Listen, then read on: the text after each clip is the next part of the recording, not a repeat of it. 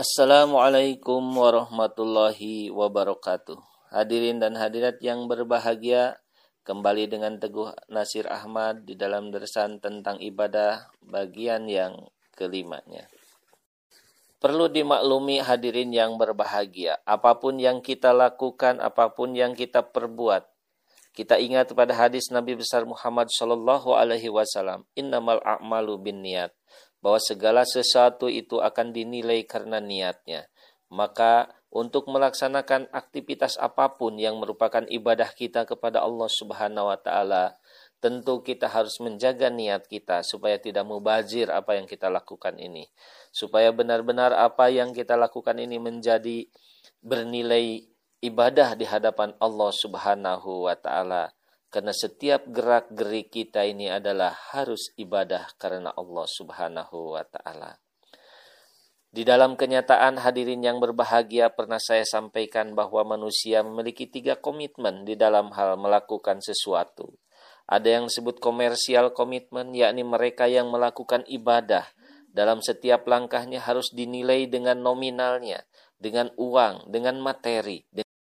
Kemudian yang kedua hadirin yang berbahagia ada yang disebut emosional komitmen, yakni mereka yang melakukan ibadah hanya karena ingin kelihatan, ingin mendapatkan pengakuan, ingin mendapatkan penilaian dari sesama umat manusia.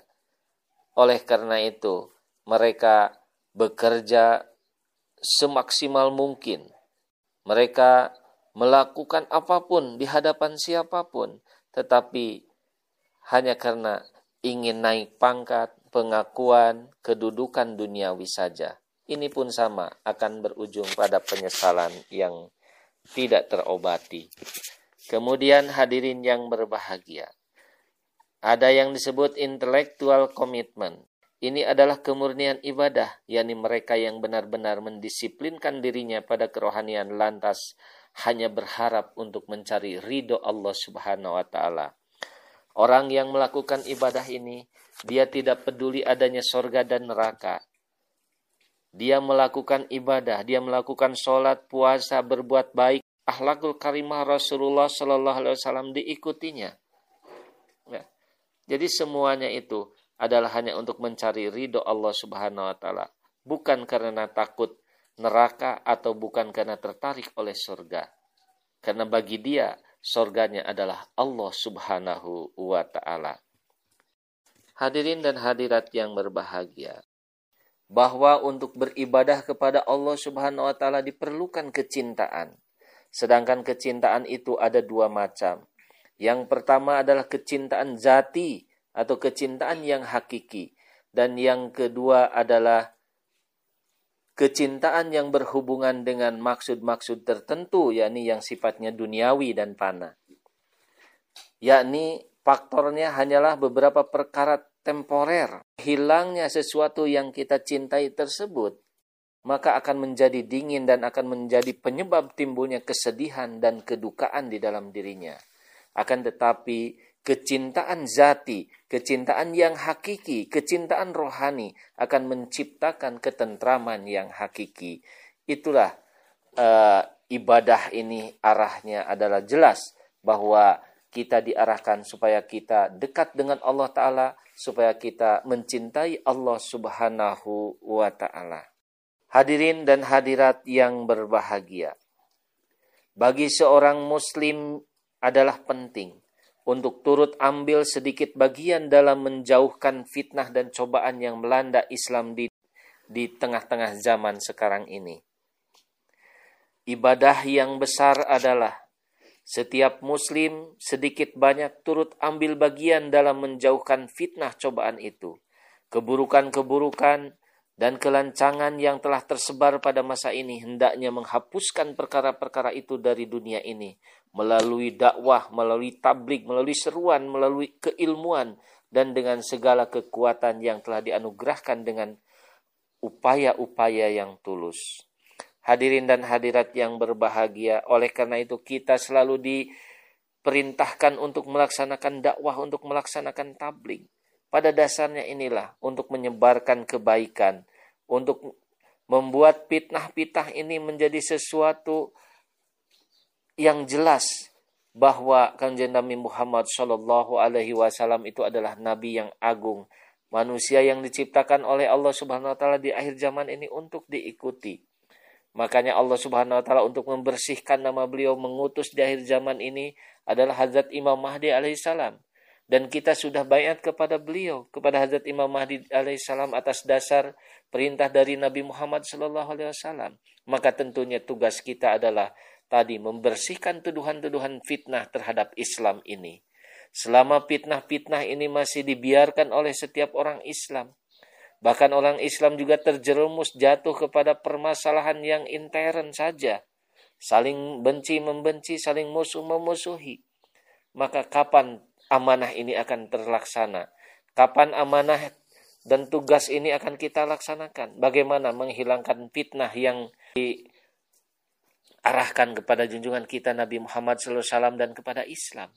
Jika kita mencintai Islam, jika kita mencintai Allah, jika kita mencintai Nabi besar Muhammad Sallallahu Alaihi Wasallam, maka marilah kita menjadi pasukan dakwah yang dipimpin oleh Hazrat Imam Mahdi dan para khalifahnya di akhir zaman ini. Siapa lagi kalau bukan kita? Dan kapan lagi kalau bukan sekarang untuk kita memulai dakwah ini? Mari kita kerjakan dan itu adalah merupakan salah satu ibadah kepada Allah Subhanahu wa taala yang besar tentunya bagi kita. Selama Allah Subhanahu wa taala memberikan hidup kepada kita dan merupakan karunia nikmat ini, mari kita syukuri dengan melaksanakan apa yang diperintahkannya. Hadirin yang berbahagia, kita akan disebut abdal oleh Allah Subhanahu wa taala apabila kita benar-benar melaksanakan ibadah ini dengan baik. Maka apakah itu abdal? Hendaknya diketahui bahwa seseorang yang melakukan perubahan di dalam dirinya, dia memasuki derajat abdal. Rahasia-rahasia keutamaan Al-Quran tidak disampaikan kepada seseorang, kecuali orang itu termasuk abdal. Sebagian besar orang salah mengerti makna kata abdal dan mereka memberikan bermacam-macam tafsir. Sementara sesungguhnya abdal adalah orang-orang yang melakukan perubahan suci di dalam hidupnya, perubahan yang menyingkirkan kegelapan dosa dan menghapuskan karat. Kerajaan setan dihancurkan dan hati mereka diisi Tuhan yang Maha Perkasa. Lebih lanjut mereka menjadi orang yang menerima kekuatan dari Ruhul Kudus dan mereka dianugerahi kemurahan Tuhan. Hujur bersabda, Aku sampaikan kabar gembira kepada kalian, bahwa siapa saja di antara kalian yang mengadakan perubahan suci di dalam hidupnya akan menjadi abdal. Jika seseorang bergerak menuju Tuhan, rahmat Tuhan datang menyambutnya. Adalah hal yang sebenar-benarnya.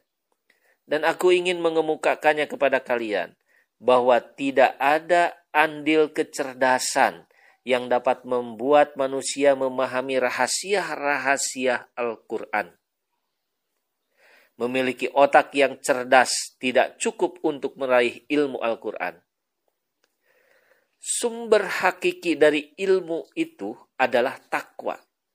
Tuhan sendiri yang akan menjadi guru bagi orang-orang yang mutaki, orang yang bertakwa. Itulah sebabnya kebanyakan nabi itu buta huruf dan itu pula sebabnya Rasulullah Shallallahu Alaihi Wasallam disebut ummi buta huruf. Ini perlu dicamkan hadirin yang berbahagia. Sekali lagi bahwa rahasia-rahasia Al-Quran hanya akan diberikan kepada orang-orang yang memiliki ketakwaan. Gelar dokter, profesor, dan sebagainya tidak akan menjadi jaminan untuk menggali rahasia Al-Quran.